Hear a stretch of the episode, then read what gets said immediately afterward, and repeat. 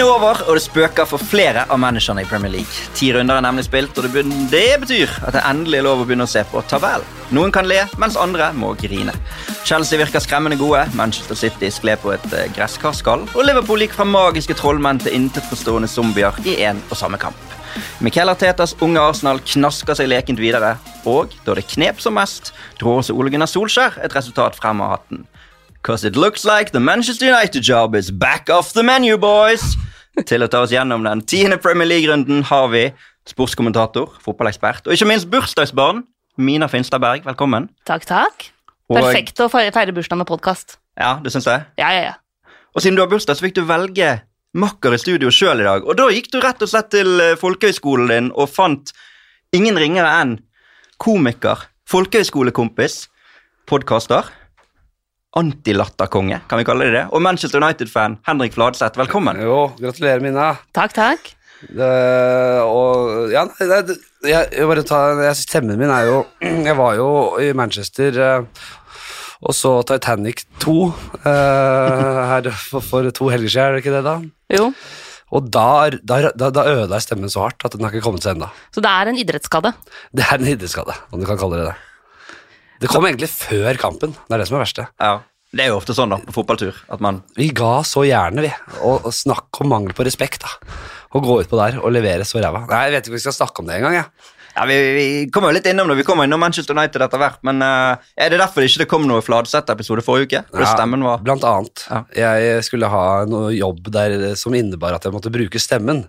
Uh, så jeg måtte egentlig hvile den, og så var det mye å gjøre. Ja. Eh, ja, nei, så det er delvis riktig, det. delvis riktig. Mm. Aktualisert Henrik også åpenbart av Ikke lov å le på hytta, som du vant. Det kan vi si. Kan vi si Ja, Gratulerer med det. takk for det. Jeg vant det i mai, da, så det er jo litt rart. Ja. Så Godt å holde på hemmeligheten i lang tid. Ja, det gikk greit, altså. Dere var voldsomt møre på tampen eh, der. Ja. Da var det noen triks som ble tatt opp av lomma som egentlig burde ha fått forblitt der. Ja. Det må være lov å si, men veldig gøy. Jeg kosa meg masse med å se på. Jeg er null prosent overraska over at du vant. Når de triksene snakker du da om uh, prompingen, sexismen, rasismen, volden Jokking på teddybjørn. Ja, det var, jeg- det var jo det minst verste. Det, ikke, det var mye som ble klippa ut da. Ja, det vil jeg tro. Sånn, eh, vi, vi trenger ikke snakke for mye om folkehøyskoletiden deres, men eh, når du ser Ikke lov å, le på, le, lov å le på hytta, er det som å se Henrik på folkehøyskolen for eh, 12-13 år siden? Ja, det er bare en litt sånn eldre ikke mer raffinert, men eldre utgave av mye av den humoren som også eh, foregikk rundt omkring i gangene på Romerike folkehøgskole. Eh, Henrik var jo en del av en gjeng der også som hadde mye spillopper på gang. Ja. veldig mye fysisk humor, veldig mye grimaser og litt sånn Oslo-losen-aktig opplegg. Nå var det det òg. Jeg husker jeg kom til Romerike folkehøgskole. Skal eh, fra revy og sånn. Nå skal jeg bli litt mer skuespiller her. Litt mer seriøs. Det, var, det gikk to dager, da, så var det bare på, tilbake på fjollinga. Ja, men eh, du er en veldig god fjoller. Jo, takk for det. Eh, Vi snakker jo ofte om de spillerne som på en måte må, må trene seg til det. Eh, altså Cristiano Ronaldo som er et treningsprodukt, og så har du naturtalentene, altså Messi som bare er der. Du er litt over i Messi mer enn eh, Ronaldo-stilen, sånn sett tenker jeg at uh, dette er medfødt. Ja, det er godt mulig. Eh, hva heter han Godes godeste nå? Så Han er United eh, Supertalentet, vet du. Han der eh, som begynte Han, han spiller fortsatt i lavere divisjon. Åh, hva heter han? Åh! Nei, jeg, husker ikke. Eh, Hvor er vi? De har hørt mange. Ja, men han, han som var altså virkelig Som bare var sånn veldig bad boy, og som uh, eh, Ravel Morrison. Ja, Ja, selvfølgelig. Morrison. Ja. Kanskje det ble kanskje det, Altså, jeg er jo fortsatt ung i komikerkarrieren. er så Ja. det er mulig jeg blir helt Ravel her. eh. Og han har jo fått liksom noen sånne Han var jo innom i Sheffield United igjen i Premier League, og nå spiller han for Rooney i Derby, så du er komikerverdens Ravel Morrison. Da har vi plassert deg. Det er, det er gøy med disse altså, Når man hører om uh, nye talenter Hvis man har levd litt, så vet man at det, det, er, det blir nesten aldri noe. Det er, de blir ofte veldig ræva, faktisk. Nick Powell er et annet eh, eksempel fra United-akademiet. Min kjepphest er, her er jo at veldig ofte når vi ser talenter, så vurderer vi dem ikke på det de presterer her og nå, vi vurderer dem på det potensialet vi tror vi ser. Ja. Og spesielt i klubber som er liksom sultefora på egenproduserte talenter, så liksom prosesserer man alle drømmene sine til denne stakkars 17-åringen som Mm. har hatt to gode kamper, liksom, og kanskje scora ett ålreit mål. Og så ser man for seg at den utviklinga de har hatt fram til de er 17-18 år, den skal bare fortsette i samme tempo. Ja. Og så glemmer man at den kurva skal jo flate ut på et eller annet, et eller annet tidspunkt. Og om den flater ut på liksom Bournemouth-nivå eller VM-finalenivå, det er vanskelig å si. Men veldig ofte så tenker man potensialet er så stort. Ja, det er det. Og så går man i samme fella gang etter gang. Marcus, Marcus Rashford, som jeg frykter liksom Han trengte jo at det skulle bli Nå er jeg, jeg kommer her som United-mann, altså det er det jeg kan. Jeg, er ikke så, jeg kan ikke så mye annet, så det får dere ta dere av. Uh, men han frykter jeg liksom ikke kommer opp på de høydene som vi kanskje så for oss. At han flater litt ut nå, og at han blir helt ok. Jeg er redd for det, for jeg har, så, har vært så glad i Marcus, vet du. Ja, good guy. Driver med sånne sosiale prosjekter og sier alle de riktige tinga og blir adla, og det er liksom ikke måte på. Nei, voldsomt i adling og greier han skulle drive med. Neste, eh, man kan ikke si det heller, vet du. Det er sånn eh, elefanten i rommet. Det der at eh, Kan man gjøre litt mindre av det, da? Ja, det ble jo litt en snakkis det nå for et par runder siden, da. Solskjær sa noe sånt Ja, og følte seg litt feiltolket. Vi kan jo komme litt inn på det når vi snakker om Solskjær etterpå, men som dere som hører på skjønner, det blir litt annerledes påskalt i dag enn vanlig, men det lever vi med. Vi skal gjennom de andre kampene. Henrik, som nevnt, Manchester United-fan, først og fremst, men du følger jo Premier League, og man kan alltid se de andre klubbene i kontekst av sin egen klubb. Det føler jeg er veldig greit, at man sammenligner alltid litt og ser litt på den varianten òg. Absolutt, og så er det sånn at jeg preiker i vei. Og hvis jeg, altså, og jeg, og da blir det United, og da øh, Bare stopp meg! Si, vi skal gjennom en runde her. Vi kan ikke høre med, om den United-preikinga di. Stopp, Henrik! Så det kan du bare si. Si det. Ja, ja. ja, men Det funker veldig bra. Jeg tenker Vi snurrer i gang og snakker om runden, og så begynner vi ta det kronologisk med Leicester og Arsenal. Så var tidligkampen på lørdag, og Arsenal som virkelig har eh, snudd seg. Altså Man har jo snakket om Solskjær, og at der har det vært eh, ting som har vært vanskelig å forsvare og se konturene av, men Arteta var jo virkelig ute å kjøre. Så vet ikke, du som ser det litt fra ut, utsiden, eh, hva tenker du om Arsenal for tiden? Snakker litt med en god kompis som er Arsenal, øh, og han er veldig positiv, altså. Eh, og det skjønner jeg godt, for det er liksom i nesten alle positive Altså veldig unge, glimrende talenter der, eh, og det ser, begynner å se bra ut også. Eh, så det skjønner jeg at er, at det begynner å bli har, Men sta- stakkars Arsenal, altså. De har vært nede så lenge. Jeg alltid syntes synd på dem, og jeg skal ikke se bort ifra at det går til helvete denne gangen nå. Nei, det tenker jeg aldri vi skal se bort fra når det gjelder Arsenal. Eh, Men eh, nå er de oppe på en finfin sjetteplass eh, og har flere liksom ålreite Er i ferd med å bygge ei rekke nå, som jeg tenker er viktig. Og så har de jo fått seg en, en keeper som plutselig er litt sånn ypperste klasse i Ramsdale, som hadde et par redninger mot Leicester som er litt sånn da snakker man virkelig matchvinnerredninger. Det maskerer jo litt at Arsenal øh, fortsatt ikke er sånn bunnsolide defensivt. De slipper til ganske mye, men det er lov å ha god keeper. Det er også en del av, laget, Det vet jeg alt om. ikke sant? Det, hadde vi så vi hadde De Gea, og han redda oss så, i så mange år. Det er uh, helt lov. Ja.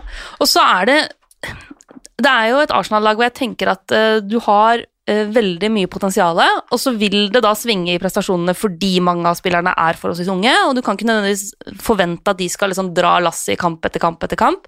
Men nå får du du får Saka assist, du får Smith-Roe-scoring altså Det er veldig mange av de egenproduserte gutta eh, som leverer, og det kjøper jo Arteta litt ekstra goodwill òg. Det er jo veldig ofte sånn at hvis du klarer å å få fram et par unggutter som leverer bra, eh, så har du litt mer å gå på også. Jeg tror veldig mange supportere aksepterer litt mer slinger i valsen mm. når det er egenproduserte spillere som eh, er i aksjon, enn hvis det er liksom bare dyre importspillere. I hvert fall når du faktisk viser til resultater, og de sto med 0-0-3 og var sist etter tre kamper. og Åpenbart hadde et tøft kampprogram, men eh, nå, hvis man skulle tippet nå, så kan det godt hende at det Arsenal jeg ville sagt klarer den fjerdeplassen. Selv om Manchester United vant i helgen og de har et potensial og var nevnt som tittelkandidater. Så Arsenal er likt med United nå, og de hadde null poeng etter tre kamper. altså. Tror du de holder ut, da? Nei, det er jo som du sa. Plutselig kan det snu, og de kan tape tre-fire av de neste fem. Sant? Så det Arsenal, man, man er ikke helt trygg på dem, helt åpenbart. I fjor tenkte vi skulle bare gå gjennom det på alle kampene, for nå er det spilt ti kamper. Så hadde de eh, 13 poeng og lå på 14.-plass. Nå har de 17 poeng og ligger på 6.-plass. Så de er litt bedre. Leicester hadde 18 poeng og lå på fjerdeplass forrige sesong. Nå har de 14 poeng og ligger på tiende. De startet jo svakt i år, de også. Ja, og de lekker som en sil. Mm. Og det er et kjempeproblem. Jeg var inne og sjekka på det. Altså, det er kun Norwich, Newcastle, Villa og Watford som har sluppet inn flere mål enn Leicester denne sesongen her. Eh, og det begynner å bli et ganske stort problem for, for Leicester, fordi nå, vi snakket, Forrige gang jeg var gjest i PL-podden, et par uker siden, så snakka vi om at Jamie Vardy er med som vanlig og delt toppskårer, og han blir aldri gammel, og han fortsetter å levere. Nå har det vært litt mer stille et par kamper. Eh, og så har du et, altså Det hjelper ikke at Kasper Schmeichel er en god keeper hvis han har et forsvar som slipper til enormt mye foran seg, så jeg er litt sånn bekymra Ja. på Leicesters vegne. Samtidig så er det liksom bare to kamper siden de gruste Manchester United, Ikke sant? og de så Brentford fort etter det. nå. Ja. Det snur så fort nå. Mm. Uh, men ja, denne nye Jeg bare leser så vidt, og jeg har ikke sett så mye Leicester bortsett fra den United, men uh, han, det er en ny spiss der. Daka, ja. Daka. Ja, og han er lovende. Ja, det er og, men han er nok en spiller som de har tenkt at ikke nødvendigvis skal liksom slå til for fullt i år. Jeg tror han har henta som et litt mer sånn langsiktig prosjekt. Og du har liksom Vardy og du har Ienacho, eh, Ienacho som ti tidvis har vært i kjempeform, også litt ut av laget og litt sånn varierende, men, men som jo avslutta forrige sesong veldig veldig sterkt. Ja. Men Patson Daka er jo en sånn spiller som har eh, gjort det veldig bra tidligere. Eh, Premier League er et hakk opp. Eh, Jeg tror, Mitt inntrykk er at de har liksom tålmodighet med han. At det var aldri forventa at han skulle komme rett inn og liksom bare ta England med storm, men at han er litt mer sånn langsiktig. Og Leicester har jo ofte vært gode på å finne spill, den type spillere. Altså, de har jo vært veldig sterke på spillelogistikk i mange år, så jeg har litt trua på han, altså. Det skal Leicester ha. De, det, det er en klubb som drives veldig godt. Ja. Og så må man forvente at det går litt opp og ned resultatmessig, men sånn, på sikt så kommer den klubben til å stå seg bra, og de henter riktig, de, de har tålmodighet, og de Nei, jeg, jeg liker Leicester, jeg. Men jeg tror forrige sesong var på en måte kanskje siste mulighet til å bryte seg inn i topp fire. Fordi Leicester har liksom vært avhengig av at en del av de tradisjonelle storklubbene har underprestert. da. Mm. Eh, og om de får den sjansen igjen, det er jeg veldig usikker på. Ja da, men det er som vi har sagt, det snur så fort. Og Ja, ja, eh, Det er jo neste kamp et tydelig eksempel på Liverpool-Brighton som ender 2-2. Når Liverpool går opp til 2-0 på Anfield da, da tenker man jo kanskje at det kommer til å gå den veien som det gikk helgen før. Men hvordan er det som United-fan å se at også Liverpool kan rote vekk en ledelse? Ja, det var så deilig. Jeg, jeg jobbet jo øh, den øh, Jeg kom jo inn og sånn siste halvtimen eller 20 minuttene av United Tottenham, og da også fikk liksom sette meg opp på litt resultater, og så at Liverpool og, mm, og City røyk på smell der, det var jo Sånn snur det liksom, liksom etter den marerittet mot Liverpool, og så øh, får vi en 3-0-seier, og, og, og, og de to taper poeng. Det er helt fantastisk. Altså. Det var jo det var ikke mange som så den komme når Liverpool går opp til 2-0. Selv om Brighton er bra og Graham Potter skal hylles, så det er Ja, ikke ja. ofte det skjer, da. Nei, altså jeg så jo den eh, kampen eh, på trilletur. Jeg har jo en datter på ni måneder som er litt forkjøla, så hun sover litt dårlig inne, så da må man ut og trille. Så jeg hadde jo liksom mobilen på vognen da, med målshow. Jeg fikk veldig mange rare blikk av folk jeg gikk forbi på turen, når du ser liksom full sånn opplegg der, men, men sånn er det litt uh, om dagen. Har du investert i et sånt ordentlig oppsett på, på den vogna? Nei, det er mulig jeg må gjøre det, men, men hun, har en sånn vognpose som gjør at du kan liksom legge den mobilen veldig fint til, da, sånn at du får liksom sett godt og sånn, og så blir man gående liksom krokrygga, da, så man blir jo litt sånn ringeren i Notre Dame på tur, liksom, ute på Holmlia der jeg bor. Ja. Men, eh, men du tenker jo når eh, For Liverpool spilte jo tidvis veldig, veldig bra, og du tenker jo når du går opp til 2-0 og du har annullert scoring og, og det er ikke måte på, så tenker du jo at her eh, får man en ny liksom, praktkamp fra Klopp sin side. Men Brighton er seige, altså. Eh, og eh, det syns jeg er fett med Brighton. eh, det synes jeg er veldig gøy å, å se Brighton, men de er så uredde. Og det er jo litt sånn, Pot sånn Potters filosofi også. Han har bygd et Brighton-lag som uh, går i strupen, som spiller, som spiller sitt spill, da. Uh, og som ikke lar seg diktere i så stor grad av motstanderen. Uh, og så har de jo enkeltspillere med veldig gode kvaliteter. Det er jo en kjempeskåring fra Mwepu der, som bare kliner til fra er det 25, er det 30 meter, eller hva det nå enn er. Frekk bue der. ja, helt, det var veldig mye fine skåringer den runden, men den er helt overlegen. Eh, Men jeg så Klopp også var liksom full av lovord om Potter etter kampen, og det skjønner jeg. Ja. Og der syns jeg Klopp er god, fordi han eh, har jo, det er jo dritirriterende for han å tape det, de to poengene, liksom. Eh, Men likevel er han jo Han er stor nok og trygg nok til at han kan benytte anledningen til å hylle sin motstander og, og gjøre hele den eh, greia der, med god grunn. Ja, nei, han, han er fin fyr, han. Jeg må si det. Jeg må si det. Er det litt irriterende at han er en så fin fyr? Ja, lite grann. Lite grann, jeg må si det. Det har vært lettere hvis Ja, du var en drittsekk av en manager. Det, det var lettere med, med Benitez å, og, hate dem, liksom. Det, nei, han er, eh, nei, han er en st- storsinnet type, virker det som. Eller er han bare kynisk billig? ja. Nei, men jeg syns Klopp, er- Klopp er god i media. Det har han vært Jo, men det er jo, det er jo som du sier, du kan aldri stole på det. Hvordan er egentlig Nei. folk? Og Nei, jeg nei. vet om noen som har intervjuet han, som har liksom fått litt sånn horn i siden til han, fordi at han, han kan være litt frekk, da. Han kan jo irettesette, men for alle er utrolig dyktige mennesker. og jeg skjønner at Liverpool-supporterne elsker han, og Liverpool nok en gang selv om poengtap her har fått en god sesongstart. De er omtrent likt som de var i fjor. Ett poeng eh, mer enn de hadde tilsvarende etter ti kamper forrige sesong. Da ledet de ligaen. Da var det jo jevnt. Da var det jo faktisk Mourinhos Tottenham som ledet serien. Etter ti Under- kamper forrige sesong. Ja, undervurderte man Liverpool litt, eller? Fra Ja. sesongen. Man gjorde jo det. Jeg tenkte liksom, jeg nesten avskrev dem litt, ja, fordi de fikk ikke kjøpt så mye. og det var liksom, Men Klopp var positiv hele veien, da. Ja. Og jeg syns de gjør det bra. Så hjelper det jo at Mohammed Salah har blitt verdens beste fotballspiller. Ja, det det. det hjelper jo, I, det. igjen. Igjen. Eh, Men han er jo på et nivå nå som Mm. er eh, veldig vanskelig å, å håndtere for alle rundt den. Eh, Så det, det hjelper veldig at eh, han er i den formen han er i, men stoppa skåringsrekka. Ja. Det gjorde han. Det ble ba, bare målgivende den kampen der. Litt irriterende for de av oss som hadde han som fancy-kaptein, men uh... Snur nå, vet du. Nå var det dårlig med dem. Ja, men, det er, Ja, men du vet aldri, plutselig, det, I fjor på den tiden, som vi sa, da ledet de ligaen. sant? De var likt med Tottenham, 21 poeng. Så plutselig snudde det. En To-tre skader, og alt kan skje. og ja, Det er åpent. Brighton, eh, Graham Potter har vi skrutt mye av. Nuno Espirito Santo fikk sparken rett før vi begynte å spille inn her nå. Eh, der kommer det til å komme Bram Potter-rykter igjen. Så Brighton tar eh, nye steg, ytterligere steg. Har seks poeng mer enn de hadde på tilsvarende tid forrige sesong. Du nevnte det så vidt. Manchester City avga poeng også hjemme mot Palace. Av en eller annen syk grunn så sliter de hjemme mot Crystal Palace. De har vunnet liksom én av de siste fire kampene hjemme mot Crystal Palace, et lag som normalt sett et lag som City skal slå. Så der er det en eller annen greie. Men sånn var det. det er jo, Wilfred Saha har jo noen kamper hver eneste sesong hvor han er en av de fem beste fotballspillerne i verden. Eh, ser ut som. Hvor han bare er liksom umulig, og han kan jo da irritere på seg gråstein liksom, i de kampene. Og mitt inntrykk er at eh, han hadde en litt sånn kamp mot City. Eh, og han klarte jo virkelig å terge på seg resten av gjengen. Det var vel til og med sånn at det ble, det ble delt ut kort eh, når dommeren blåste av til pause, til og med, fordi at eh, City-gjengen var så frustrert og var så forbanna. Og så må jeg si at jeg syns Gallagher er i ferd med å bli en sånn personlig favoritt. Han er veldig god. Det beste som har skjedd eh, Palace på lang lang tid. Han er jo bare på lån fra Chelsea, yep. men han er veldig god. altså. Så at Gallagher herjer på Etihad, det har ikke skjedd siden Oasis uh, var på banen en stund siden. Åh, den er klein og fin. Ja, ja. Må være litt lei. Chelsea. Chelsea. Frykter dem. Frykter dem voldsomt, både på kort sikt og lang sikt. Men ikke City.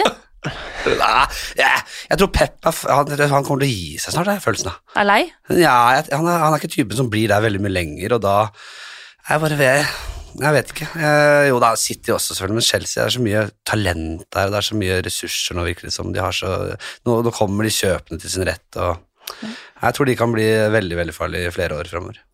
Så virker det som om eh, City Altså, når Kevin De Bruyne ikke er i toppform, Mm.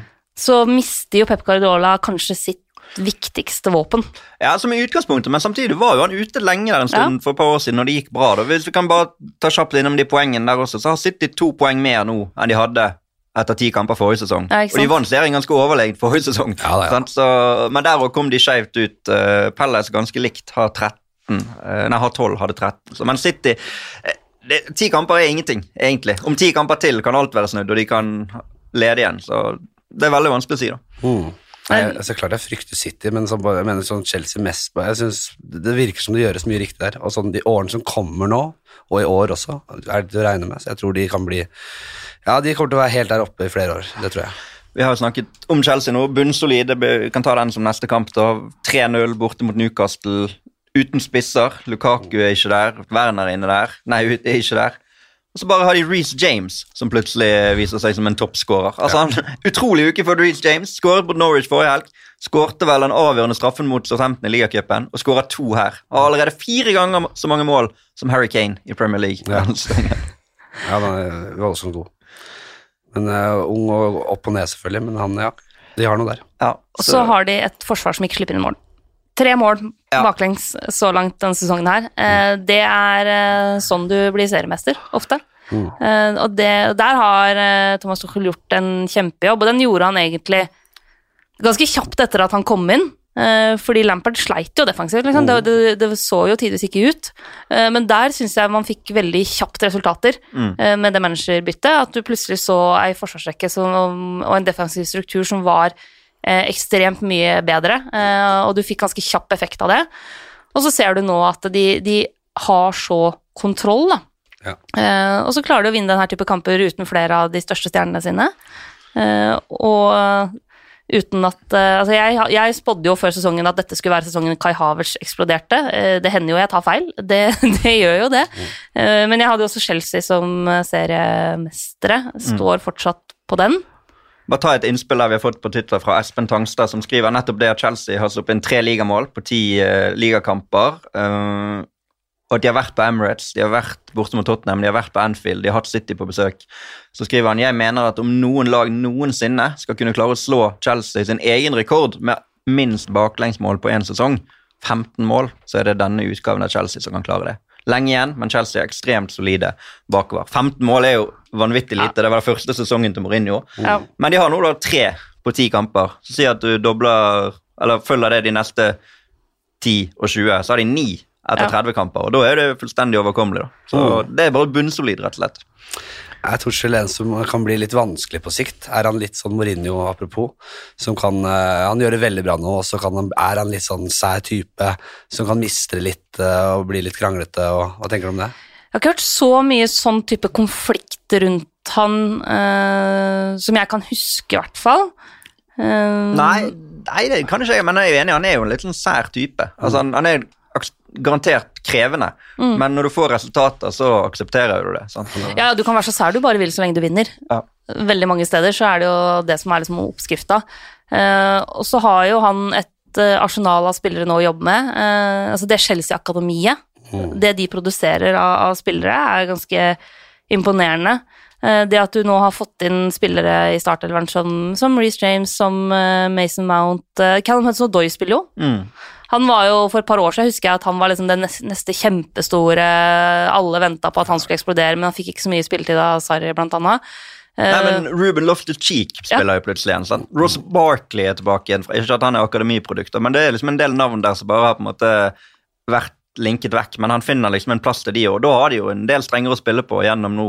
Det som blir en ganske tøff vinter fra landslagspausen nå og til mars, så skal de spille, spille, spille, og det er jo da du egentlig får et svar på hvordan står disse lagene i forhold til hverandre. Og så har du et par stjerner som han fortsatt liksom den sesongen her har til gode å få ordentlig i gang. Da. Altså, han har ikke fått det beste ut av Lukaku ennå.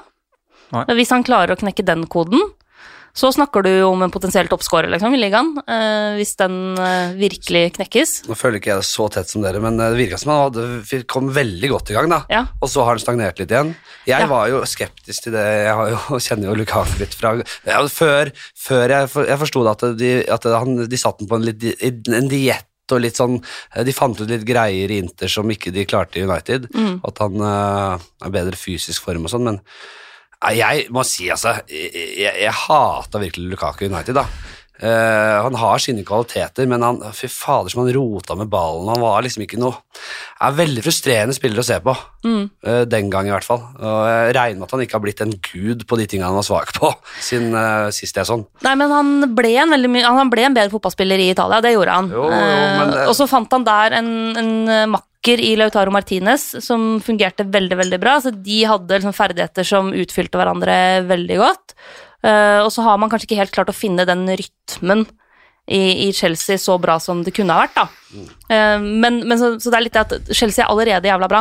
Eh, men så har du et par ganske store navn der som fortsatt ikke har, liksom, har slått 100 til. Da. Jeg mener for også at Kai Havertz fortsatt har en del å gå på. Mm. Basert på det vi vet, det nivået vi vet han har inne. Og da begynner du å, hvis du klarer å få i gang de gutta, så begynner det å bli Ja, I hvert fall når du allerede leder ligaen. ja. Da er det jo Og ikke slippe inn mål. Men uh, sier at han blir god i Italia. Er, det- det er jo en annen liga, og det er jo tysk liga også. Havers. Det er ikke gitt at han blir like god. Nei da. Det er det aldri. Og det er jo også liksom hvilken rolle har du i laget, og hvordan eh, altså Skal man legge opp spillestilen rundt enkeltstjerner, eller skal man ha en spillestil som gjør at kollektivet fungerer best? Det er jo liksom evig sånn dilemma eh, rundt en del av de største, eller en, en del sånne stjernespillere. Hvordan skal du på en måte balansere de hensyna der, da? Eh, men jeg har fortsatt veldig trua på at Chelsea med Lukaku kan bli voldsomt skummelt for alle rundt. Ja. Seks poeng mer enn de hadde på tilsvarende tid. Forrige sesong vi må innom Newcastle også. Vi kan si at eh, Chelsea is aiming for the championship, men Newcastle eh, sikter imot en helt annen form for championship. De har fire poeng etter ti kamper, og de kan få så mange saudiarabiske oljeblodpenger inn i klubben som de bare vil, men det er fremdeles lenge til januar, uh, når de faktisk kan forsterke laget. Hvordan er det å sitte på altså- sidelinjen og se dette? Det hadde gledet meg altså så utrolig mye eh, hvis de rykka ned i år, altså. Eller neste. At Saudi-Arabia har kjøpt seg en championship-klubb? Ja, det hadde vært så bra, da. For all, altså, det må da alle være enige. Tenk hvor rått det hadde vært, da. Og så er det jo litt sånn, Vi har snakka mye om det her januarvinduet, og da kan de endelig hente forsterkninger, men, men det er klart at hvis du ligger i tungt i nedrykkshumpa, hvor lett er det å liksom lokke til deg de spillerne som faktisk kan heve laget, da? Eh, I en sånn situasjon. Da kan du kanskje heller hente spillere som kan være nyttig i en nedrykkskamp, men det er jo ikke den type spillere Newcastle har lyst til å hente nå, egentlig, hvis de skal tenke at de skal bygge lag på sikt. da. Nå tror jeg uansett ikke at de ville vært på den øverste hylla allerede nå uansett. Jeg tror ikke at de har liksom tenkt at de skal kjøpe Haaland, på en måte. Jeg tror de innser sine egne begrensninger der. Men de har jo likevel ambisjoner om å kunne hente spillere som er noen hakk over de de har i stallen i dag. Og da skal du klare å lokke til deg den type spillere til en, liksom, et bikkjeslagsmål i bånn. Det er ikke like lett, altså. Altså- Sjøl om du har penger. Ja, så kan du ikke kjøpe deg til uh, kompetan glimrende kompetanse og god klubbdrift over natta. Det er jo Vi får se hvilke Hvem er det som sitter der og skal liksom uh, vurdere hvilke spillere de skal inn og bygge lag på sikt og Nei, det er ikke, det er ikke sikkert at det der blir bra før om mange år, altså. Og hvis, i hvert fall hvis, hvis det rykker ned, så er det jo helt uh, Ja, kanskje de bare selger seg ut igjen. Ja, Du vet jo aldri hvordan responsen blir hvis man plutselig nå ikke får sportslig fremgang. i det hele tatt. Nå er de Brighton borte. Det er jo på en måte det helt motsatte hva gjelder klubbdrift. De har jo virkelig lyktes og tatt, tatt det steget opp der. da, så Newcastle fire poeng. Det er ti poeng mindre enn de hadde under Steve Bruce forrige sesong. på tilsvarende tid, og det, det ser ikke bra ut. Vi hopper til, går kjapt gjennom et par av de siste kampene. her. Jeg skjønner at alle har ikke sett disse kampene, men Burnley-Brentford 3-1. Eh, før kampen så tenkte jeg sånn at Ok, Burnley ganske langt bak Brentford på tabellen nå, men denne kampen kommer de til å vinne, og jeg tipper de kommer over de på tabellen til slutt. Også. Fordi at Brentford har vært veldig bra, men Burnley har et eller annet der Sean Dyche eh, er klar. liksom. Så Nå har Mina begynt på kaken, så Ja, ja, ja. Du, du får svare på den, Henrik. Eh, Selv om Burnley og Brentford ikke er de lagene du følger tettest. så... Jeg vil faktisk legge til at jeg vurderer å stikke og se Se Brentford United, altså bortekamp. Eh, trenger en opptur. altså Neste kamp jeg skal på, det må være en uh, opptur. Uh, så da sikter jeg med den. Enorm stemning der, da, på, på de Brentford-kampene vi har sett på TV. til Ja. i hvert fall, har det vært veldig bra, så det høres ut som et godt valg. Ja, jeg tror det kan bli rått. Eh, Litt sånn Brentford ned på jorda i den Burnley-kampen. Ja, jeg føler det lå veldig i luften. ja, det lå i luften. Og eh, må også si at han Cornett virker jo dritbra. Ja, det, Men det er jo så utypisk Burnley som du kan få. Å hente liksom en Champions League-spiller fra Lyon som bare går inn og er vanvittig god. Uh, altså De har jo hatt Dwight McNeil og et par andre gode tekniske spillere, men at Burnley har trengt noe sånt, det er helt, uh, helt soleklart. Og Sean Dyche får, eh, kommer til å få resultater igjen, kan nesten garantere det. Matt Loughton skårer igjen, nesten så Espen Ween vurderte å ta podkasten i dag likevel. Han er jo hans personlige favoritt, så han kunne ikke være med, men eh, Burnley seks poeng eh, i fjor. Nå har de syv poeng, så det, det, det er omtrent det samme som hvert år. det. Ja, det er det. Eh, Watford Southampton var også en kamp som gikk på lørdag klokken fire. Det var 1-0 til Southampton i, eh, i Watford. King mot Moey, solgt inn som et norsk oppgjør. Ikke så veldig synlig noen av de denne gangen, men et fint mål som gjør at eh, Southampton får seg en viktig, en viktig seier. Og det var faktisk bare den andre seieren de den, deres denne sesongen, og det eh, Det er sånn Roy Hasenhuttel trengte. Ja, altså De trengte det sårt, eh, men det er jo sånn, sånn kamp hvor Shea skårer et mål som du egentlig ikke skal skåre, for du skal ikke egentlig skyte der heller. Mm. Og så bommer han på en kjempemulighet, liksom, på, fra femmeteren omtrent. Så han ender jo opp på på en måte riktig antall mål. Det bare er han scorer på feil mål og bommer på feil, liksom. Ja. Eh, Men eh, Watford Altså, Ranieri skal få det tøft, altså. Ja da. Nå var de høyt oppe, men, men det er et lag som, som jeg er usikker på om de har liksom, nivået, egentlig. De har noen enkeltspillere som er veldig bra. Jeg syns fortsatt at Ismail Azar er en kjempespiller, liksom. Mm. Eh, Men jeg er veldig usikker på om det er nok, altså. Nå er det bort, for de har vel Arsenal borte til helgen, så da eh, får vi se om Ranieri kan vinne en bortekamp igjen. De knuste Everton borte, ingen logikk i det, og taper hjemme for Southampton. Så det, man blir ikke helt kloke, kloke på de. Eh, Southampton, som vi da kan si hvordan lå an forrige sesong, de hadde en veldig god sesongstart i fjor. De har eh, seks poeng mindre enn de hadde på tilsvarende tid i fjor. Da er det Tottenham mot Manchester United. Og velkommen til Manchester United-supporter Henrik. Nå skal du få snakke så mye United du bare vil. Eh, det ble jo solgt inn som en kamp der Solskjær må vinne. Han må ha resultater. Uh, ja, Eh, for så vidt Nuno også, som ikke fikk resultater, røk, men det kan vi ta etterpå. Ja. Uh, og de gjør det. De vinner 3-0. eh, Bunnsolid. Men allikevel er jo det enkelte som mener nei, dette var ikke the United way. Det er ikke sånn han skal redde jobben sin. Hva tenker du Hva, hva, hva tenker du om Solskjær? Nei, jeg ville jo, ville jo at de skulle spille sånn mot Liverpool òg. Jeg, jeg, jeg var Ja. altså, eh, pragmatisk der. Eh, syns jeg tror vel det var eh, kanskje bare et uh, Varan-fravær som gjorde at de ikke Nei, det, jeg tror det handler litt om at de ikke tø, De ville ikke gjøre det på Old Trafford mot Liverpool. Uh, men da jeg så lagoppstillingen, så sto jeg sto og sang og skreik oppe på Tollgate uh, overfor Old Trafford der, og da lagoppstillingen kom inn, så ja, da frykta jeg Det er virkelig et stortap. Ikke 5-0, men eh, Ja, nå du det forrige helg, mot Liverpool. ja, nå er jeg på eh, Ja. Liverpool, da. Eh, men det, jeg sier at jeg, jeg ønsket at de skulle spille på den måten Ja, mot Liverpool òg, bare for å få snudd det på en eller annen måte. Men det handler jo nå om å nå har de, nå, har- de har spilt, de har jo prøvd seg litt fram, da, men nå, nå mener da Solskjær og klubben at nå må de tilbake til the United way. De må dominere, de må på en måte bare presse gjennom den måten å spille på, selv med mangel på Altså, de har ikke nok De har ikke gode nok spillere til å spille sånn, men likevel skal de presse det gjennom jeg tenker bare vær, fortsett litt i den stilen, altså vent et år til med å prøve på det der, altså. Hvert, altså I toppkampene, spill på den måten her. Vær kyniske. Så du er ikke der at liksom, Nei, The United Way skal være offensivt og skal liksom Jo. gå inn og eie kampen? på sikt. Men vi er ikke klare ennå. Uh, vi får se da om McTominay og Fred eh, McTominay var jo veldig god mot eh, Tottenham. Men det ble jo, som du sier, da. Han får jo gjøre det akkurat sånn som han Det der er jo de vanvittig gode på. McTominay og Fred ligger der med en treer bak seg, pushe, løpe. Og det var imponerende, det. Men, og det var jo det som gjorde at McTominay ble en nøkkelspiller for Solskjær i utgangspunktet, i starten. Ja. Da det var mer akseptert i hermetegn at Solskjær hadde den tilnærmingen til ting, kanskje. Mm, Ja. Uh, jeg er veldig, veldig for at vi skal tilbake til, uh, til the United way, men vi kan, altså vi kan ikke Det blir jo veldig naivt å skulle bare altså kamp etter kamp late som. Vi er ikke der helt enda. Og ja, Det er supert at vi prøvde på den eh, varianten eh, mot Tottenham, og det ga resultater. Eh, kjør på mot City òg, sier jeg. Men det, det begynner å bli et sånn mønster nå litt med Solskjær i Manchester United, at du har veldig bøl- bølgedaler, og så har han ofte noen sånne kamper, stortap, eh, gå på noen skreller, sånn at alle begynner å snakke om at nå nå har han snart ikke mer å gå på, liksom. Men da kommer det alltid en eller annen sånn seier. Ja. Enten det er liksom mot PSG i Champions League eller nå mot Tottenham.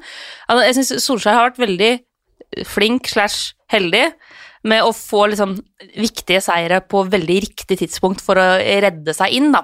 Mm. Eh, Men, men er det nok på sikt? Eh, du, tror du at Solskjær er liksom mannen som skal ta United helt tilbake til toppen, eller du, tenker du at eh, vi snart nærmer oss hit, men ikke lenger?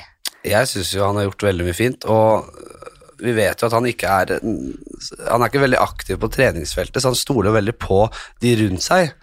Og det, jeg er mer skeptisk til det teamet der, altså. Eh, Selv om Solskjær skryter veldig av Carrick og, og, og McKenna og, og, gjengen som, som styrer treningene, så tviler jeg litt på Det har jo åpenbart lite erfaring, den gjengen der. Eh, og Mike Phelan, ja, kanskje for mye erfaring. Eh, og det er vanskelig å si hva som, hva som skjer på treningsfeltet, og hva som skjer bak lukkede dører, men eh, jeg er mer skeptisk til det enn Solskjærs rolle, fordi jeg syns han har vært veldig flink i den rollen. Han har vært flink til å eh, Han har henta inn en del riktige spillere. Eh, han har på en måte fått gitt oss følelsen av at, at, at han og klubben samarbeider om en langsiktig strategi, eh, og det ser vi jo gang etter gang. Det er det som teller. Det er å ha, altså, ha kontinuitet i den klubbdriften, og ikke bare på en måte eh, sparke og ansette manager og starte på nytt hele tida. Det går jo aldri.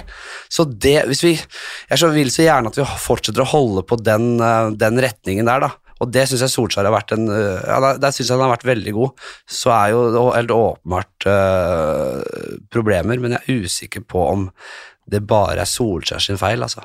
Snakkes jo en del om utvikling. Og, og, og kanskje handler det litt om hva Få inn kanskje noen nye folk rundt seg der, jeg Mm. vet ikke. Eh, noe, ja. Jeg bare tar det med deg da, som United-fan. Han han nevner dette med utvikling, at de har tatt tydelige steg, og de var nummer seks, og så har de tatt så tydelige steg? Syns du det sjøl, som supporter? Så de har fått en bedre tropp, åpenbart. Spilt litt bedre. Første sesongene var vel samme poengsum, de kom litt opp, og så fikk de noen flere poeng. Men føler du at den utviklingen har vært god nok, da? For nå har han vært der i snart tre år. Jeg syns jo det vitner litt om altså, Jeg syns det virker litt som at han blir overstyrt eh, fortsatt. At det er noen som sitter over der og tar avgjørelser som han ikke er helt herre over. Eh, jeg tror ikke nødvendigvis Solskjær vil ha Ronaldo. Jeg, jeg sier det. Jeg tror ikke det. Jeg tror han er for smart til å Jeg tror han skjønte at det er et skritt tilbake. Fordi hvis han må spille fast der, eh, med en Sancho og en Mason Green altså da, du, da, da mister du første pressledd. Det, det, det har vært helt krise presspill. Eh, så nå handler det jo om å bare Nå, nå må man nesten bare kaste Sancho og, og de, de unge lovene på benken. Da, og spille liksom Gavani inn der, og spille på den måten, altså spille annerledes. Og det er ikke det som var planen i utgangspunktet, før Ronaldo kom. Mm. Så du no- tror at det var At Manchester United, ledelsen og andre var så opptatt av å ikke se han i City? Mm, ja. At det ble liksom trumfa gjennom at man måtte hente Ronaldo? Jeg, vet man dette med City? Fordi jeg, tror, jeg tror nok det bare ble brukt som altså jeg, jeg, Hvis Ronaldo hadde gått til City, ja, så faen skulle han bare gått til City for min del. Da, da, da, da hadde han aldri da hadde han bare, da, hadde- da hadde den vært død for oss. Fuck off. Du er, du, vi, vi, du er ikke den vi trodde du var. Og så hadde man glemt han til slutt. Eh, og liksom mm, At han skal presse gjennom Altså man skal bruke Altså true seg til en United-overgang og bruke City sånn Nei, jeg, jeg, jeg tror ikke helt på det. Nei, jeg, jeg tenker at det er en veldig sånn der uh, lett medieskapt virkelighet. Altså, det, det høres rett og slett lite profesjonelt ut da, om en toppklubb driver på den måten at nei, at det er så på en måte reaksjonsstyrt. Nei, oi, der skjer det noe hos de. Nå må vi kaste oss rundt. Og så er det noen som sier at nei, United jobbet med den dealen lenge, og at det City-greiene bare er ikke sant i det hele tatt. Så man vet jo ikke hva man skal tro på, men, men jeg syns det høres rart ut, da. Men nå er vi også tilbake litt til det dilemmaet vi snakka om i stad rundt Chelsea og Lukaku. Eh, fordi når du har, du har en spiller som Cristiano Ronaldo i stallen din eh, Du veit at du i det har eh, en av verdens tidenes beste målskårere. Mm. altså bare sånn rent, Vi skal snakke om rene målemaskiner, Så er han i ypperste verdensklasse eh, en av tidenes aller, aller beste. Mm. samtidig så har du egentlig en langsiktig filosofi som handler mer om å hente unge, gjerne engelske spillere, eh, som du kan liksom utvikle. Um, presspill har blitt Altså, det, det å ha gode førsteforsvarere og det første pressleddet blir stadig viktigere i eh, toppfotballen. Um, du veit at den jobben gjør ikke Cristiano Ronaldo. Nei. Han er ikke god på det, eh, og han er ikke nevneverdig interessert i det eh, heller. Så du veit at du mister en dimensjon ved det, men han er også nesten umulig å benke eh, sånn så lenge han sjøl vil spille, fordi han har et, et ego og en drive der som gjør at det Da kan du fort havne på kant med han. Så hvordan skal du klare å balansere det da? Eh, at du har en fyr som er dritbra på å score mål, men han er ikke så god på alle de andre tinga du egentlig trenger. Ja, nå har jo, nå har jo det, Cavani ikke vært helt klar, Eh, men jeg mener jo i toppkamper så må Cavani starte eh, i midten der, og så får man heller bruke Ronaldo litt på kant, eller få han inn etter hvert. Altså, jeg skjønner ikke, er en, Har han en kontrakt som sier at han må spille, er det det? Fordi det, det, det altså, da må noen jeg tror det er noen andre enn Solskjær har forhandla det, og Solskjær har ikke hatt noe med det å gjøre, og nå må han bare deale med det. Og så er jo Solskjær god til å liksom Han, han, han, er, han har pokerfjes på det, og han, når Ronaldo først kommer, ja, da er jo det kjempeflott, og så han, han, han, han viser jo ikke at han er misfornøyd, men jeg kan liksom ikke Det, det, var, en, det, det, det, det, det var en rar avgjørelse for, uh, for den planen det så ut som han hadde, da. Å få inn han der. Men nå, ja, igjen da, Cavani og Ronaldo eh, sammen. Ja. Så jo ut som dynamitt på Ja, Tottenham. ja, for en, altså, de, de utfyller hverandre helt perfekt da, i et sånt system. Ja, så, det er to av eh, verdens aller beste angrepsspillere de siste 15 årene. Ja. Og det er klart at de fremdeles har eh, en del i seg som kan skape trøbbel Kavani for er så forbanna smart Ja. i alt han gjør. Hvis du ser måten han beveger seg på før den skåringa eh, mot Tottenham Mm. eh, Han er den som han veit akkurat hvordan han skal holde igjen løpet sitt i akkurat riktig øyeblikk. Og, og Ja. han også er jo en hardtarbeidende spiller og, og er jo eh, en større på en måte kanskje lagspiller da, Ja. enn Cristiano Ronaldo på, på noen måter. Ehm, så det er klart at du får jo fryktelig mye smartness og rutine i en sånn duo. Ja, og jeg har jo tenkt at eh, her har du to litt eldre herrer som kan bytte litt på spillet. Uh, der Cavani kan starte en kamp, og Ronaldo kan komme inn fra benk. Uh, det vi har sett, er at Ronaldo aldri skal inn fra benk. Han skal starte hver bidige kamp, og ja, igjen, Liverpool. Skulle han starta den kampen, da? Nei, det er helt overbevist om at han ikke skulle gjort. Men det er en viktig uke nå, da. Det er Atalanta borte i morgen, tirsdag, og så er det jo City igjen. Du kan si hva du vil om at den Tottenham-seieren var viktig. og Det er det de skal snakke om! Jeg begynner å snakke om andre ting. Ja. Nei, nei, nei, det er helt gull, det. Men altså, Tottenham er nå Tottenham. Solskjær vinner alltid mot Tottenham. Altså, både som spiller, Han har aldri slått et lag så mye som han har slått Tottenham. Hver gang det har liksom vært behov for en seier. Det er Denne 1-6-kampen i fjor var jo unntaket, men han, han slo Mourinho når han måtte det. Han dro, nei, jo, og han dro der og slo Pochettino. Det var første skalpen hans som manager. Han slo Mourinho igjen forrige sesong liksom i den første returen etter det 1-6-greiene. Så Tottenham var Tipper Solskjær elsket at det var Tottenham. Jeg. Han bare gleder seg til den kampen hele uken, for han visste at Tottenham de tar jeg alltid. Og han møter et eh, Tottenham-lag som er uh, svakt, som er desillusjonert, som har uh, masse støy rundt klubben, fordi alle veit at Nuno sitter på litt lånt tid.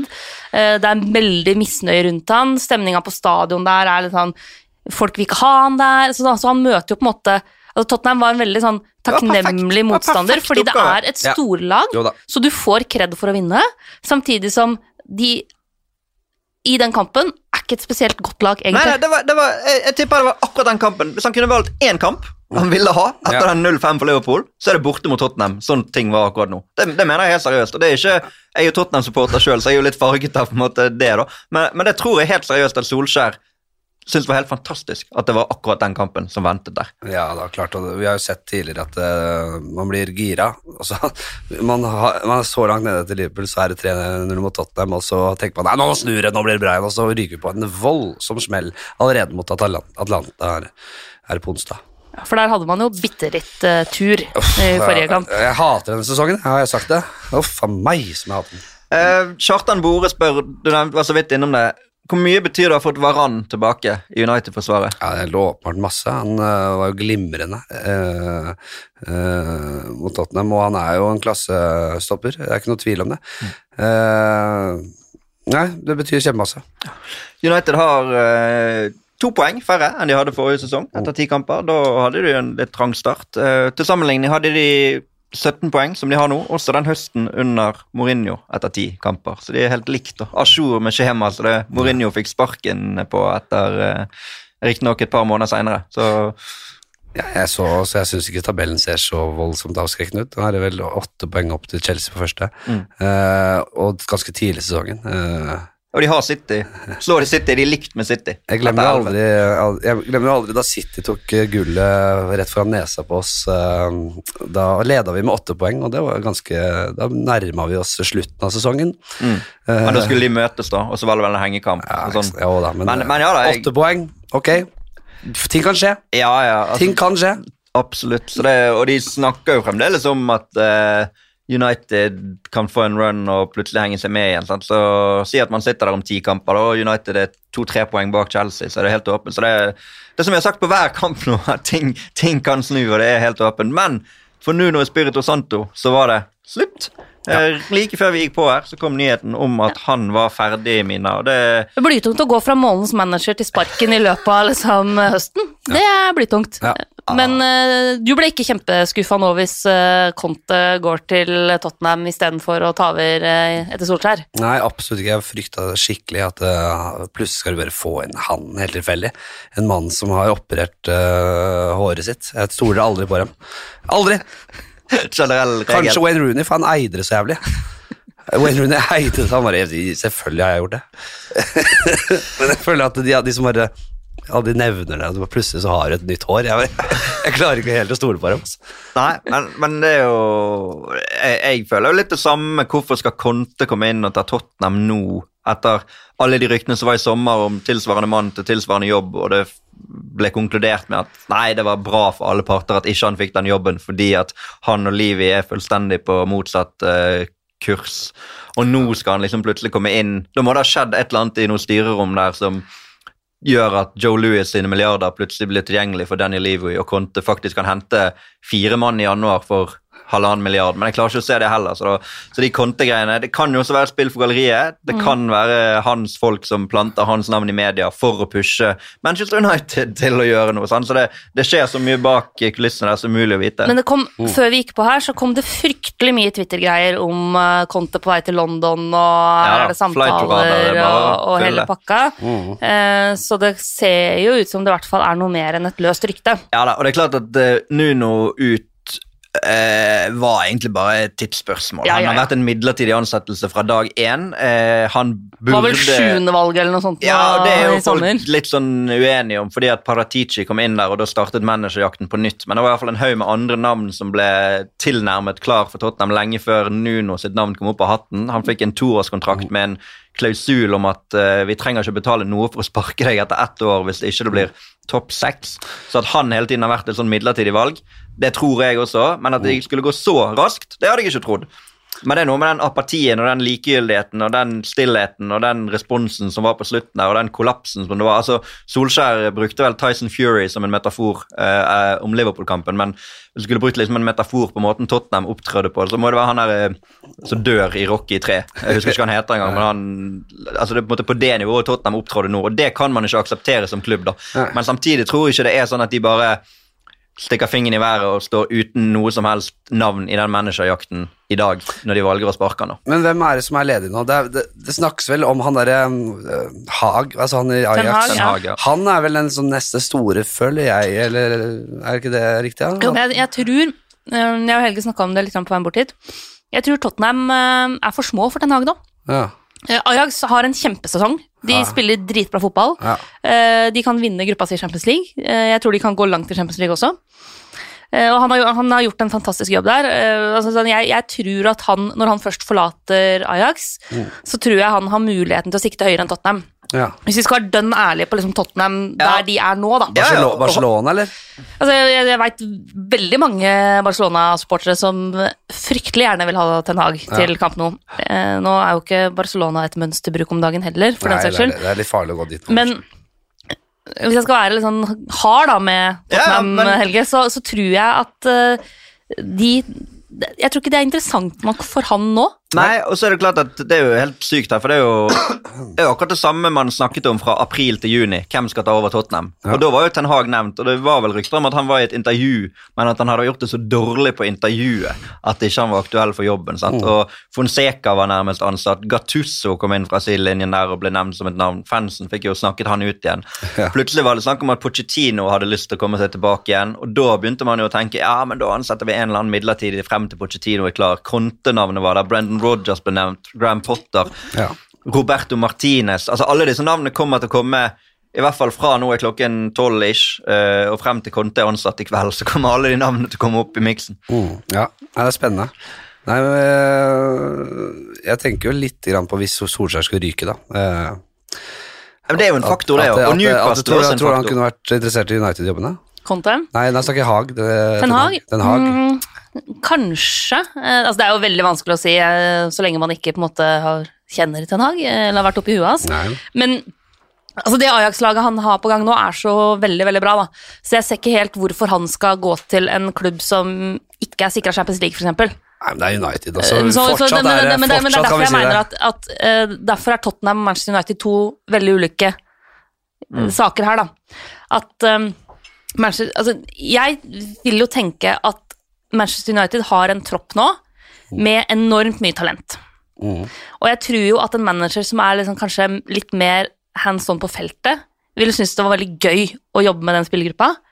Du har spillere der som eh, Du har unge spillere som kan bli fantastisk bra. I Sancho, du har Mason Greenwood, ikke sant? Du har et par liksom, etablerte stjerner i altså Brudo Fernandes, uh, Varan, som gir deg liksom, mye trygghet, og som kan være bra å jobbe med. Så, så jeg eh, tenker jo i utgangspunktet at eh, United-jobben bør være ganske attraktiv. For ja, ganske mange Det er trenere. og det og, det, og det er noe som bare på grunn av navnet, på en måte, men også fordi at de sannsynligvis, tror jeg, da, vil kunne liksom tilby Champions League.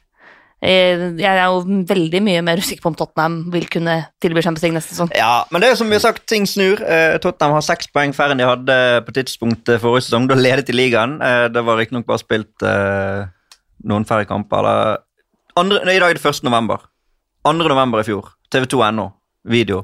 Derfor er Mourinhos Tottenham en tittelkandidat. Det høres så sykt ut å si i dag, når vi vet hva som har skjedd både med Tottenham og med Mourinho, men de ledet faktisk ligaen og fløy høyt, liksom. og det er bare et par marginer på Anfield i den 1-2-kampen der som bikker motsatt vei, for at Tottenham på en måte flyr inn i 2021 som ligaleder. Mm. Og så har liksom det som har skjedd, skjedd. Så eh, det er jo et potensial i den klubben, i, åpenbart. Markedsverdien i Tottenham er stor. London er forlokkende. Arenaen er stor. Det Pochettino gjorde, var det ingen som så skulle skje. Sant? Så at noen kan komme inn der, røske opp i ting og få Tottenham tilbake i et godt selskap, det er ikke jeg i tvil om. Men du har eh, i Tottenham en klubb som eh, ønsker å spille attraktiv fotball. Mm. Positiv fotball, offensiv fotball, som ikke bare skal vinne, men som skal vinne med stil. Ikke sant? Og så har du en klubb som veldig ofte har snubla når det gjelder, og som ikke har hatt den der nødvendige kynisismen, pragmatismen, i de avgjørende kampene når det står om trofeer og de tinga der.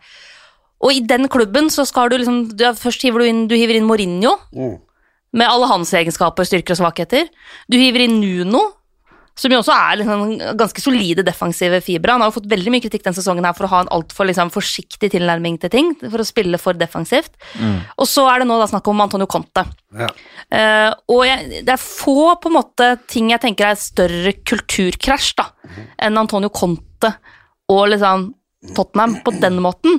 Fordi Antonio Conte er jo en mann som Der handler det om å vinne. Koste hva det koste vil. Jeg tror at Hvis du sier til Antonio Conte at sånn, ja, det har vært gode resultater, men fotballen har vært veldig kjedelig, så vil han se på deg veldig sånn herre Hæ? Hvorfor, dette, hvorfor? Dette er jo ikke relevant. Kjedelig, hva mener du? Altså, vi vant. Ja. Altså, Hva mer vil du ha, liksom? Ja, ja, ja, ja. Sånn at det er jo, jeg syns det er litt merk... Jeg, synes, jeg synes sliter litt med å finne, få øye på en sånn der type eh, klubbfilosofi, da, en langsiktig tankegang Ja, altså fra, eh, i fra det. utsiden kan jo den klubbsfilosofien nå virke som at vi vil ha den defensive strukturen.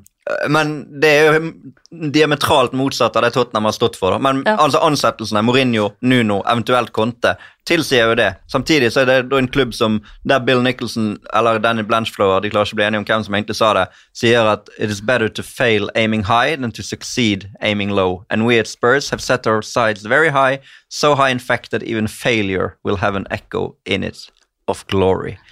Og Conte kommer ikke til å akseptere at her skal vi bare spille fri flyt. David Ginola på ene vingen, Rule Fox på andre vingen, blottlegge defensivt.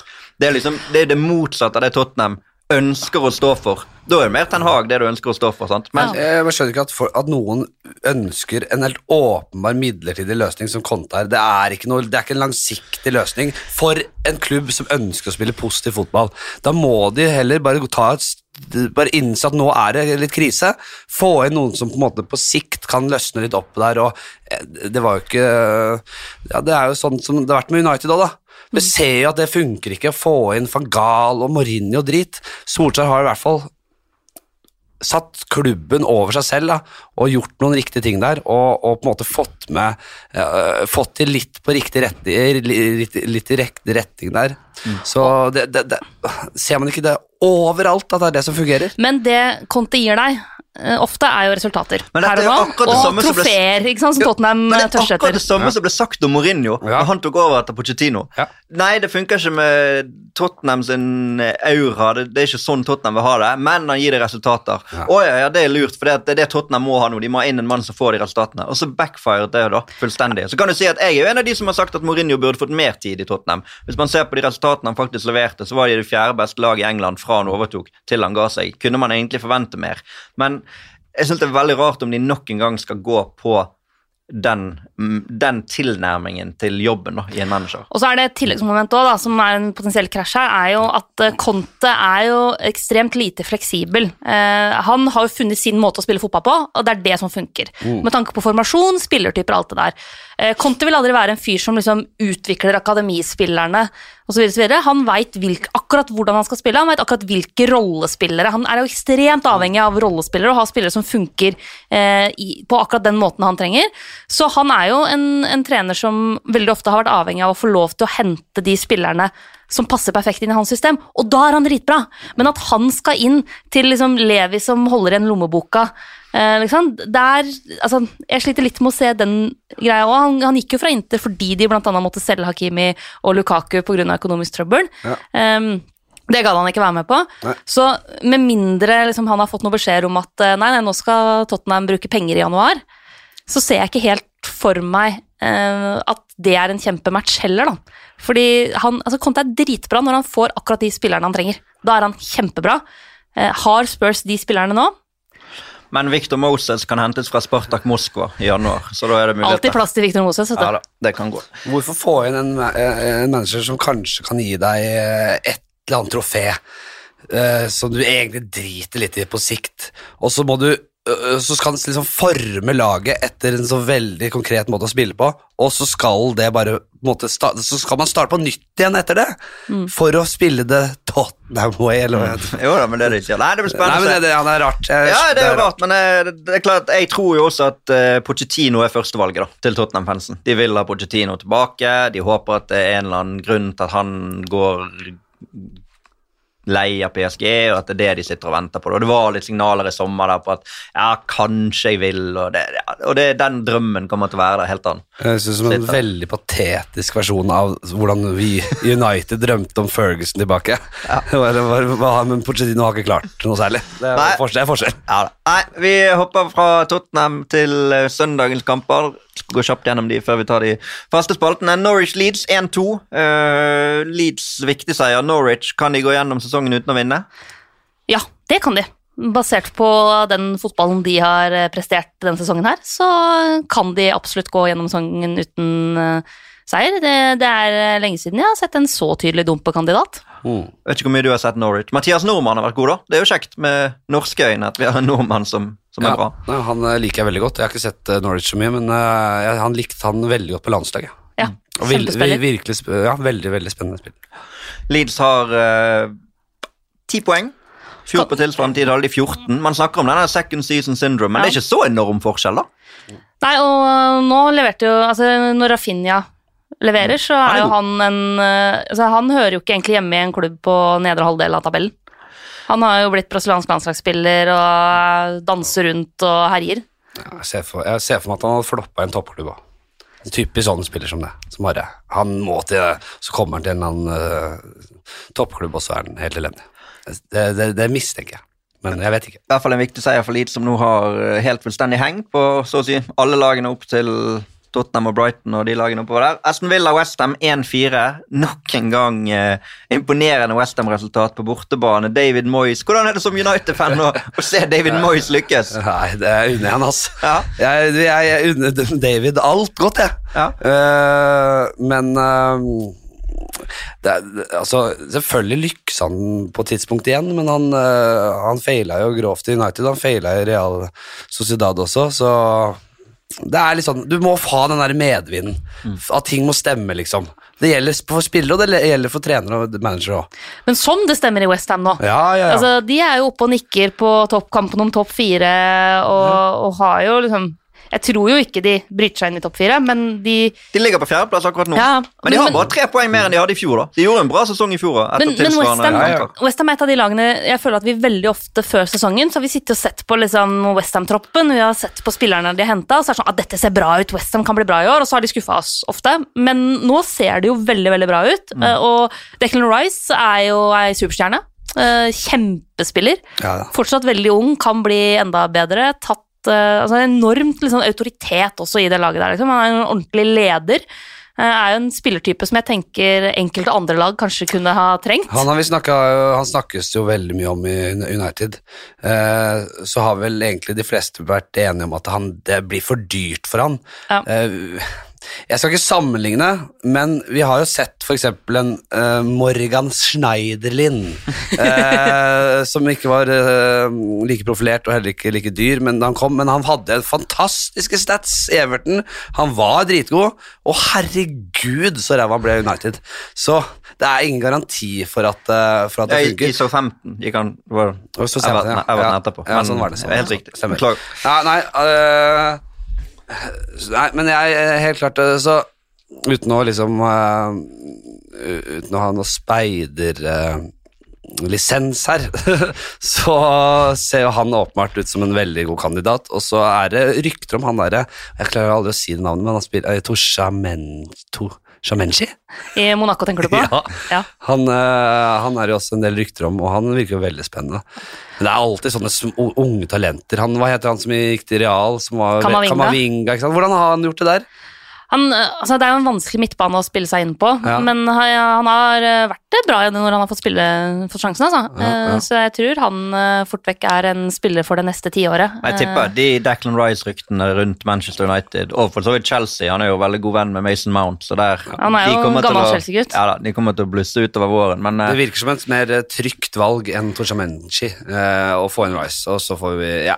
Jeg regner med at det, de bruker en del ressurser Men- på, på å sjekke han ut og, og analysere han. Så er det, jeg tror det er veldig, sånn sett veldig, veldig bra for Westham sin del at de gjør det så bra nå. Fordi det betyr jo at sjansen for å klare å, å beholde en del av de spillerne der er veldig mye høyere nå, når man er liksom oppe og man er i Europa og man har gode sjanser til å komme seg til Europa neste sesong.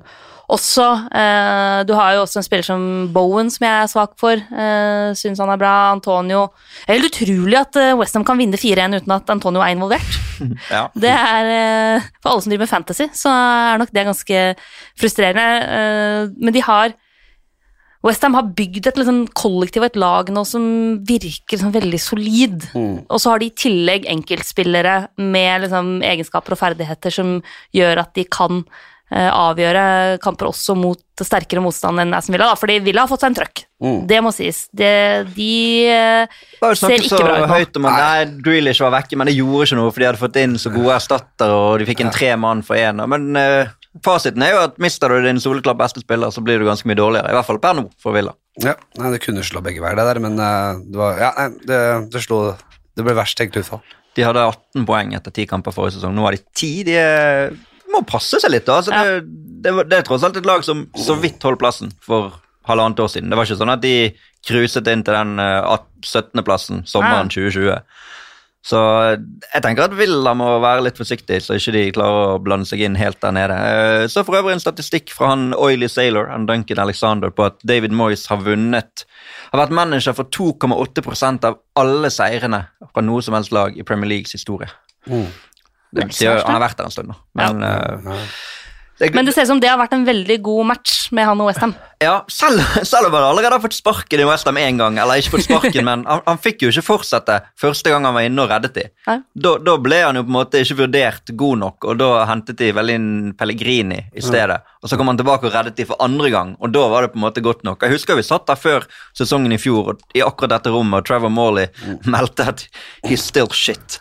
Så, så det, liksom, han har hatt folk mot seg hele veien, og har liksom måttet gå den tunge veien og motarbeidet Nei, ikke motarbeidet, men motbevist alt som har vært av kritikere. da. Ja. Og Det er veldig kjekt å se at det går an, selv for en mann som er Altså, han, er, han begynner jo å bli erfaren i gamet. Det er ingen som hadde sagt noe om han hadde gjort som Alan Kirbishley og bare forsvunnet. Ja. Fra å bli linket til alle klubber i Premier League som var ledige, til å bare ikke ta flere jobber. Det kunne David Moyes fint gjort, men han bet sammen tennene og kom tilbake. Veldig innbitt type. Mm.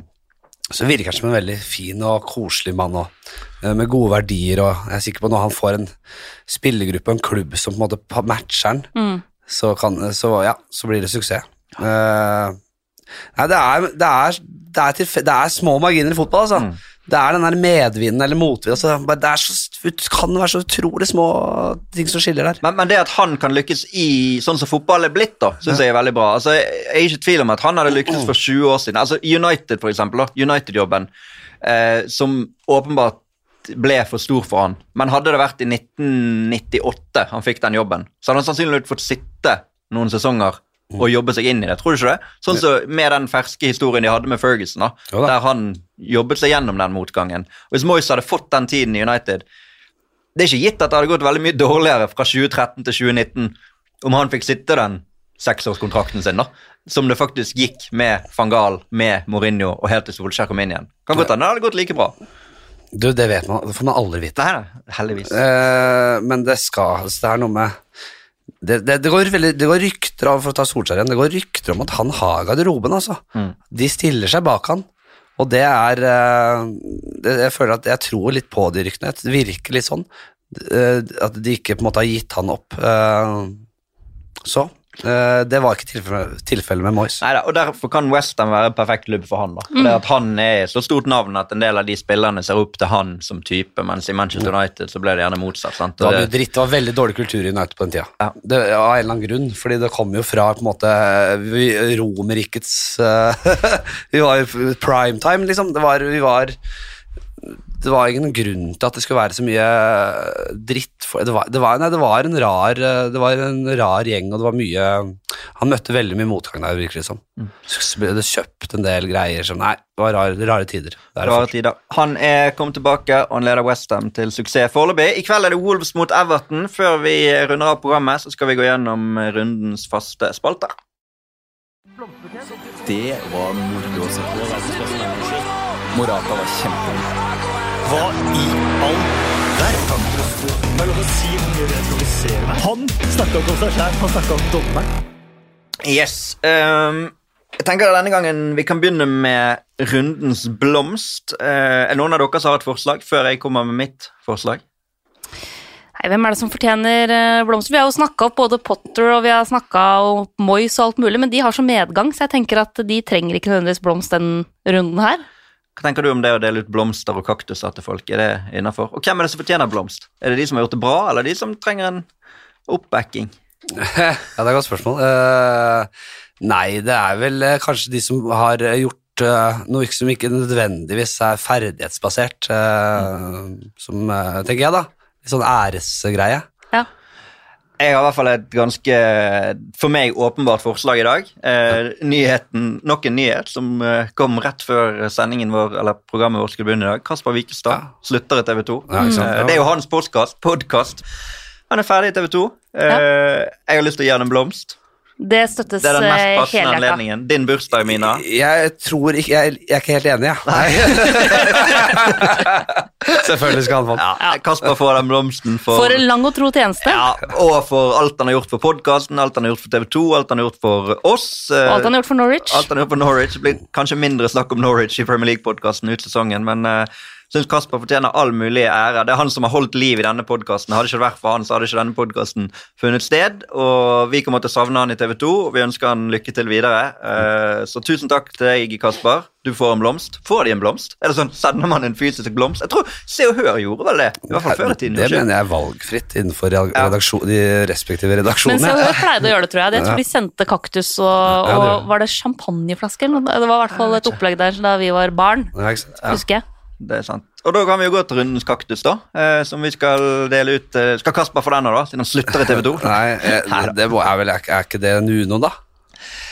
Det blir jo fort det.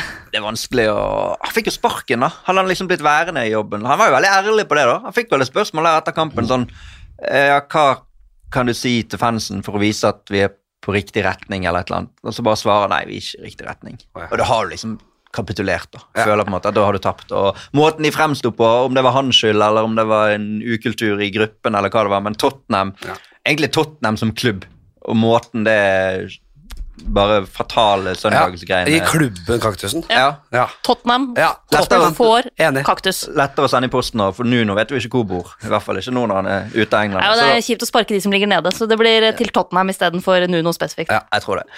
Eh, rundens øyeblikk. Eh, selvfølgelig mye å ta av fra mange kamper. Har du noe minner fra runden som peker seg ut for din del? Ja, men jeg tipper at jeg taper. Eh, men, men jeg mener jo at når liksom Gallagher setter 2-0 mot Mm. City der, og du, inn, du skjønner at liksom Nei, vet du. City- eh, Palace skal faktisk ta det her mot City. nok en gang. De er blitt liksom the boogeyman eh, for eh, Pep Eh, så det er mitt forslag. Men det aner meg Ja, okay. at det finnes andre forslag i rommet. Det var en portugiser som tok en liten hva skal jeg si, nederlandsk variant. En Van Basten, Van Persie-aktig Eller Ronaldo-avslutning. Altså den avslutningen til Ronaldo. Ja, det, målet, er, det målet der. Ja.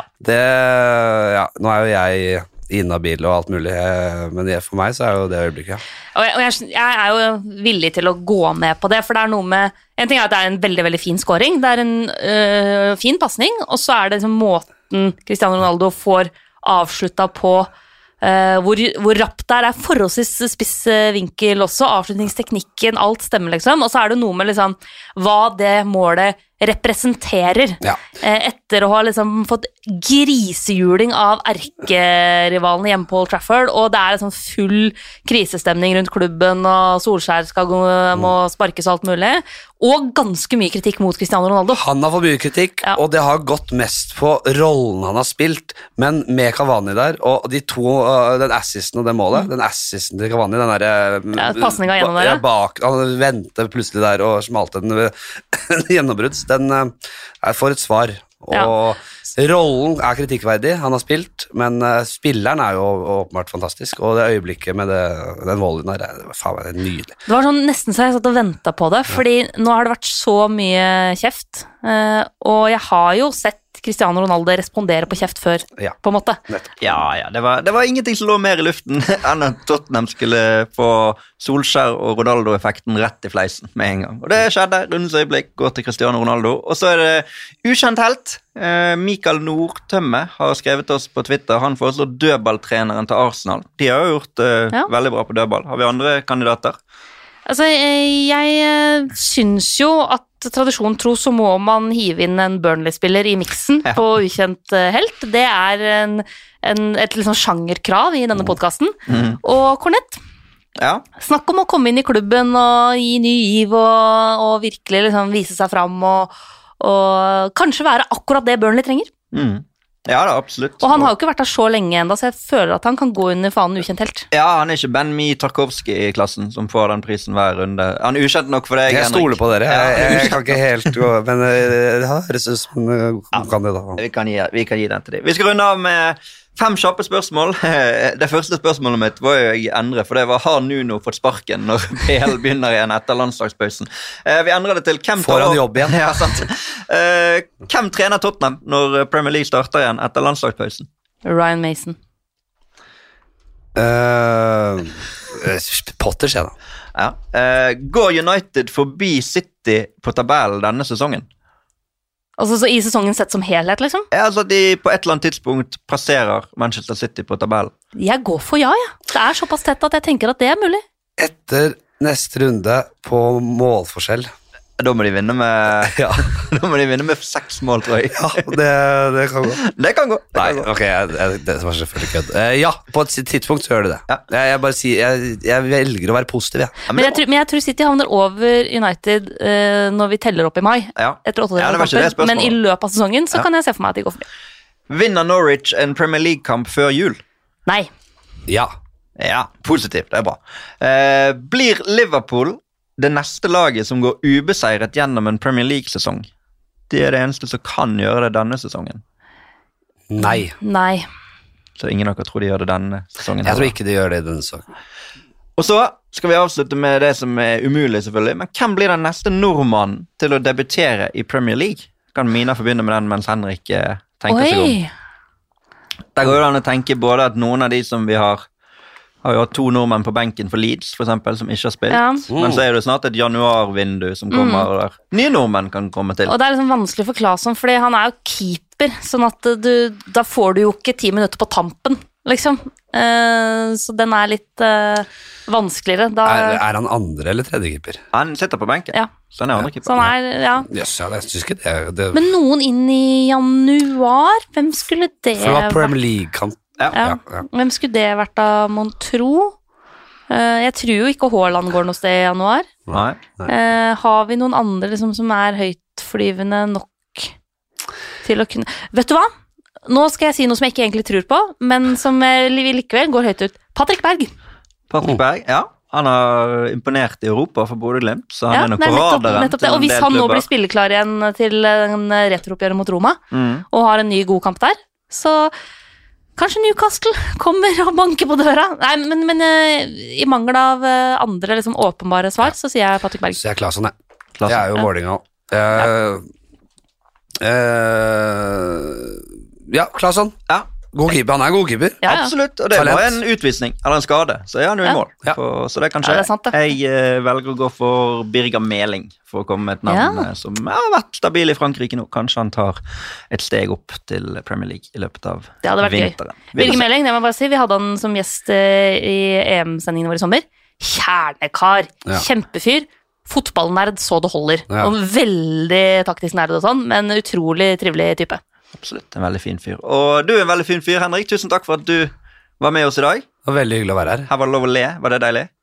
Du, jeg, jeg, det, er alt, det er veldig deilig. Det var et marerittdøgn på hytta der. Jeg, jeg er veldig glad i å le. Jeg er veldig glad i å le. Det er veldig bra. Det var veldig kjekt at du var med oss. Og veldig kjekt at du var Mina, og brukte bursdagen din. Fikk spist nesten en hel kake. Ja, jeg, jeg måtte gi opp til slutt. Det er fryktelig mye glasur, så nå Ja. er jeg mett. Men eh, det er veldig stas å feire bursdag med dere to, altså. Kunne ikke bedt om noe bedre. Det er veldig bra. Jeg har faktisk med sjokolademuffins, så det er til oss etterpå, Henrik, hvis du vil ha.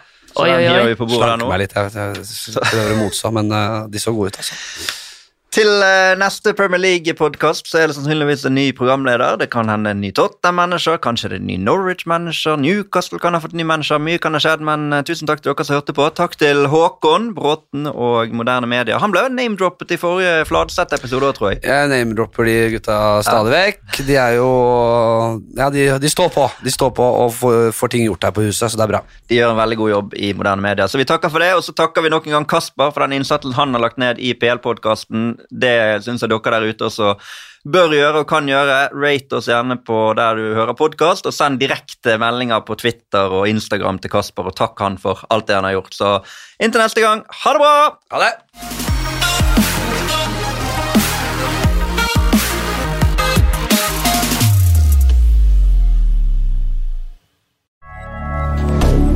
Moderne media.